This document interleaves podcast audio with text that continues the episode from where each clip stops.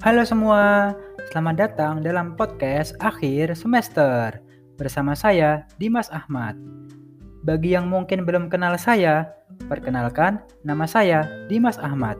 Saya sekarang sedang berkuliah di Universitas Muhammadiyah Surakarta, jurusan Ilmu Komunikasi.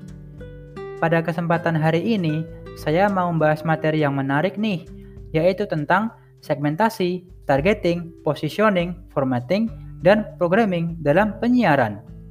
Sebagai informasi nih, referensi yang saya gunakan di sini bersumber dari buku Manajemen Media Massa, Teori Aplikasi dan Riset yang ditulis oleh Bapak Fajar Junaidi. Yuk deh, langsung aja kita mulai. Pada media penyiaran, jumlah khalayak yang mengkonsumsi radio dan televisi menjadi penting. Hal itu sebagai penentu daya jual stasiun radio dan televisi pada pengiklan. Para pengiklan akan memilih program acara radio dan televisi yang memiliki rating yang tinggi. Rating memperlihatkan jumlah kuantitas khalayak yang mengkonsumsi program acara tersebut.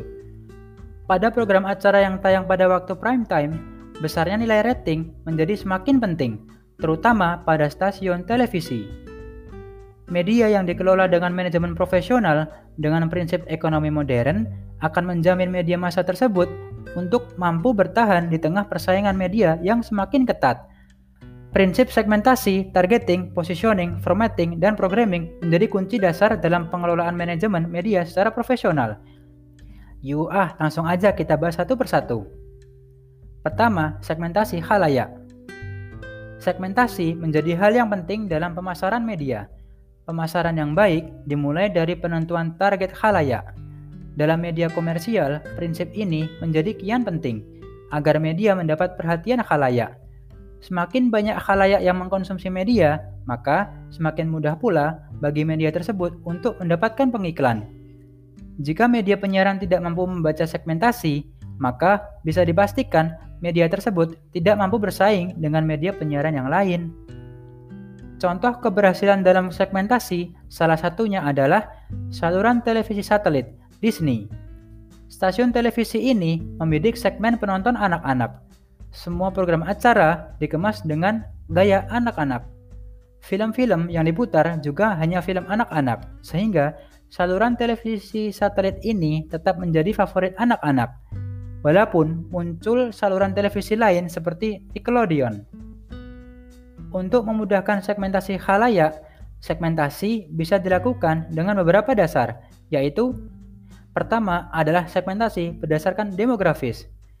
Segmentasi ini didasarkan pada data-data kependudukan seperti usia, jenis kelamin, pekerjaan, suku bangsa, pendapatan, pendidikan, agama, ras, dan sejenisnya.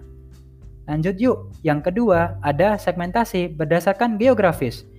Segmentasi geografis memperlihatkan bagaimana orang dari satu daerah akan berbeda dengan orang di daerah lain dalam hal kebutuhan, keinginan, dan konsumsi yang mereka lakukan. Segmentasi ini dapat didasarkan pada wilayah kota atau urban, pinggiran kota atau suburban, dan pedesaan atau rural. Contohnya, stasiun radio yang memiliki programming berisi penyuluhan pertanian jelas harus membidik segmentasi khalayak yang berada di daerah pedesaan. Sedangkan majalah yang berisi gaya hidup tentu harus lebih banyak berisi artikel tentang gaya hidup di perkotaan. Segmentasi juga bisa dilakukan dengan berdasarkan perilaku khalayak. Segmentasi ini disebut sebagai segmentasi behavioral, yaitu segmentasi yang didasarkan pada perilaku khalayak yang umumnya meliputi status, tingkat sosial, purchase occasion, dan benefit shock. Contoh dari segmentasi behavioral ini adalah stasiun televisi satelit yang membidik para penggemar olahraga, sehingga dalam programmingnya menempatkan acara olahraga seperti stasiun televisi Fox Sports. Oh iya nih gengs, segmentasi geografis dan segmentasi demografis dapat dibaurkan loh sehingga terbentuklah yang namanya segmentasi geodemografis. Segmentasi ini meyakini bahwa mereka yang memiliki tempat tinggal di lokasi geografis yang sama cenderung memiliki karakter-karakter demografis yang serupa. Fenomena ini terlihat dari munculnya media cetak yang ditujukan pada khalayak satu wilayah tertentu yang memiliki perilaku yang sama. Sebagai contoh, Pasca insiden 1998, tepatnya di wilayah Glodok, Jakarta, muncul media yang ditujukan pada khalayak yang berada di kawasan Glodok yang memiliki aspek demografis yang sama dari sisi pekerjaan, yaitu para pedagang. Lanjut yuk ke targeting khalayak media. Tahap targeting dilakukan setelah institusi atau perusahaan melakukan pengidentifikasian beragam segmen, sebagaimana yang telah disebutkan sebelumnya. Setelah identifikasi dilakukan, perusahaan melakukan kajian dan kemudian dipilih segmen yang menjadi sasaran. Segmen yang menjadi sasaran inilah yang disebut sebagai targeting. Dalam proses penentuan target, media dapat melakukan beberapa pilihan model targeting, yaitu 1. Konsentrasi pada segmen tunggal. Konsentrasi pada segmen khalayak tunggal ini berarti dalam proses targeting, perusahaan media memilih satu saja segmen khalayak. Perusahaan media harus memiliki pertimbangan yang kuat karena tingginya risiko kegagalan. Sebagai contoh, penggemar tanaman yang sempat populer di tahun 2008 sampai dengan 2012. Pada waktu itu, harga bunga melesat tajam. Oleh karena itu, terbitlah tabloid-tabloid khusus tanaman bunga yang banyak muncul pada era itu. Bersamaan dengan memudarnya pamor harga bunga, tabloid-tabloid yang bersegmen penggemar bunga tersebut juga banyak yang gulung tikar. 2. Spesialisasi secara selektif.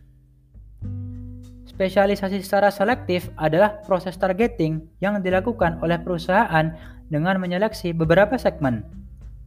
Berbeda dengan strategi pertama, dalam strategi kedua ini, jika salah satu segmen gagal, perusahaan media masih bisa berharap pada segmen lainnya. 3. Spesialisasi produk. Dalam spesialisasi ini, perusahaan melakukan pertimbangan targeting atas dasar membangun reputasi yang kuat pada produk yang spesifik. Sebagai contoh, saluran televisi satelit National Geographic Channel atau NGC yang dikenal memiliki reputasi di bidang alam dan film dokumenter. Perusahaan media tersebut kemudian meluncurkan kanal baru yang bernama NGC Wild yang produk tayangannya lebih berfokus pada alam liar. 4. Spesialisasi market Spesialisasi market adalah targeting yang dilakukan dengan proses di mana perusahaan berkonsentrasi melayani kebutuhan dalam kelompok segmen tertentu. Sebagai contoh, majalah yang ditujukan untuk penggemar klub sepak bola tertentu. Salah satunya adalah majalah United Indonesia. 5. Jangkauan semua pasar.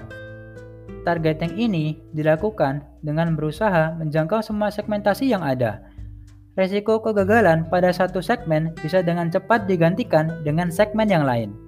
Banyak media yang bermain pada model targeting ini. Sebagai contoh, televisi di Indonesia yang mayoritas berusaha menyasar semua khalayak.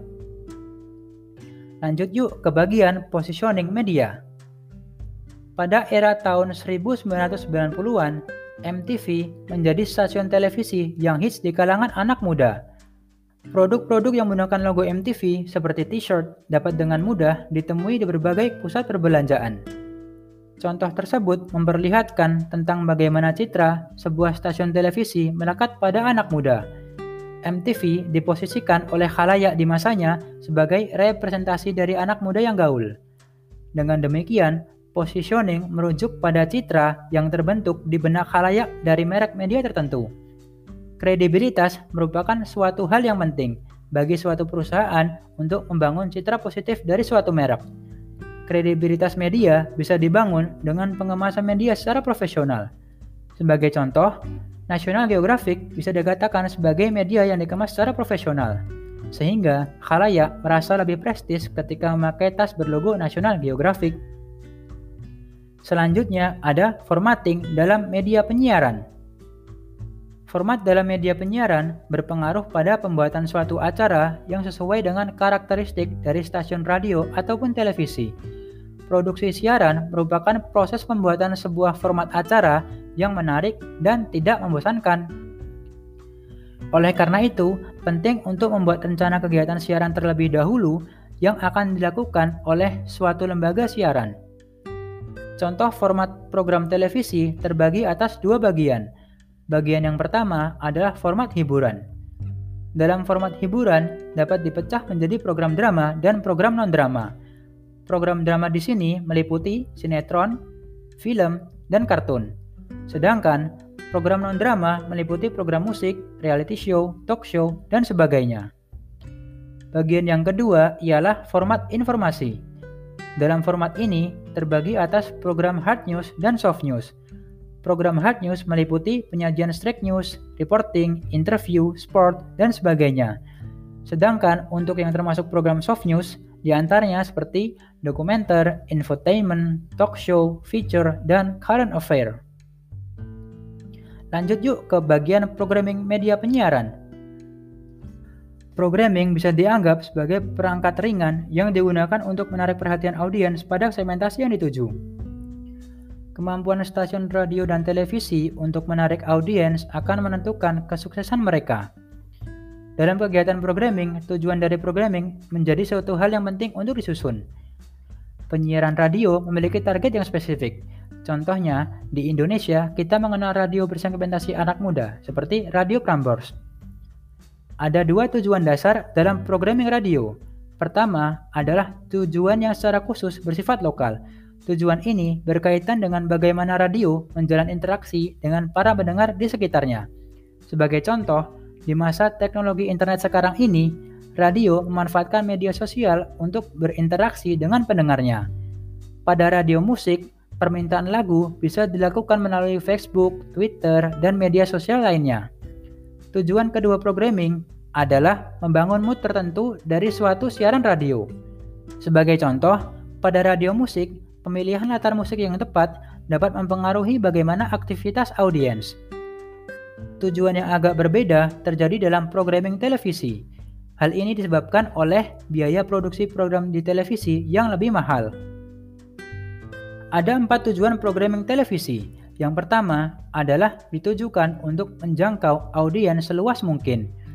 Semakin luas jangkauan suatu stasiun televisi, maka audiens juga semakin banyak dan akhirnya dapat mempengaruhi para pengiklan untuk memasang iklan dengan biaya yang tinggi. Tujuan yang kedua adalah untuk menjangkau audiens yang spesifik. Kita bisa melihat programming televisi kabel yang sangat spesifik, seperti Fox Movies dan HBO, yang hanya berisi tayangan film-film saja. Lalu, tujuan yang ketiga adalah untuk menarik pelanggan. Tujuan ini lebih kontekstual digunakan oleh televisi kabel berlangganan Stasiun televisi tersebut mendapatkan uang dari pelanggan berdasarkan tayangan yang mereka tonton. Hal ini berkaitan dengan tujuan terakhir yaitu audiens yang bisa keluar masuk. Maksudnya adalah audiens bisa masuk menjadi pelanggan stasiun televisi kabel dan dengan cepat pula dapat berubah menjadi bukan pelanggan. Contoh dari programming ini dapat dilihat pada keputusan suatu stasiun televisi untuk kapan akan menayangkan suatu program pada stasiun TV mereka. Contohnya film anak-anak. Film anak tersebut biasanya disiarkan pada jam sore ketika anak-anak sedang berada di rumah dan tidak disiarkan pada jam pagi dikarenakan anak-anak tersebut sedang bersekolah. Nah, jadi bagaimana guys? Udah tambah wawasan lagi dong ya tentang materi barusan? Sip deh kalau gitu. Hari ini kita nambah ilmu lagi deh. Asyik. Kalau begitu cukup segitu dulu ya guys untuk podcast akhir semester episode kali ini. Semoga berkah ya ilmunya. Amin. Thank you buat yang sudah dengerin podcast ini. Saya sangat mengapresiasinya. Saya Dimas Ahmad, pamir undur diri. See you guys next time. Peace.